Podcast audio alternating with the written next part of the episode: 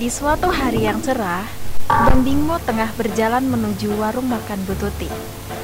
Warung langganan Tebang Bimo. Tempat ia biasa menyantap seporsi nasi dan lauk.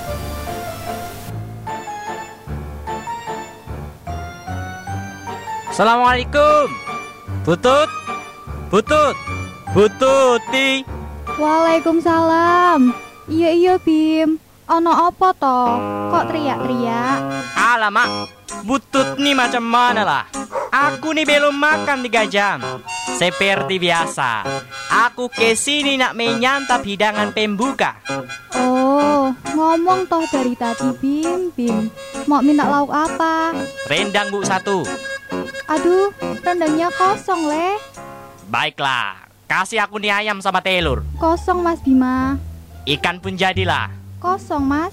Tempe, tahu, sayur, Kosong juga Mas. onde mande. Kerupuk pun kosong. Kalau kerupuk masih ada mas, tapi kalau kotak kerupuknya masih kosong. Kotak kosong. Jangan-jangan, Jangan-jangan apa mas? jangan-jangan ada jinnya. Jin? Hmm. Hihihihi. Ku beri kau tiga permintaan. Tiga? Eh kurang tahu Jin. Kok nawar sih? Ih, rempong deh. Mau dah. Mau mau mau. Hmm, aku pengen mobil, baju bagus, satu lagi pingin makan enak. Wah wah wah. Eh Bu Tuti, mana mobil aku? Mana baju aku? Mobil apaan to, Nduk? Hei, lagi nganeh ayal nih anak rupanya. Cek do dompet dulu lah. Hehehe.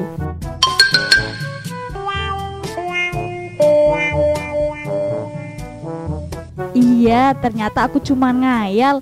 Maaf ya semua. Bang Bimo. Apa? Agak-agaknya sudah kutebak ini.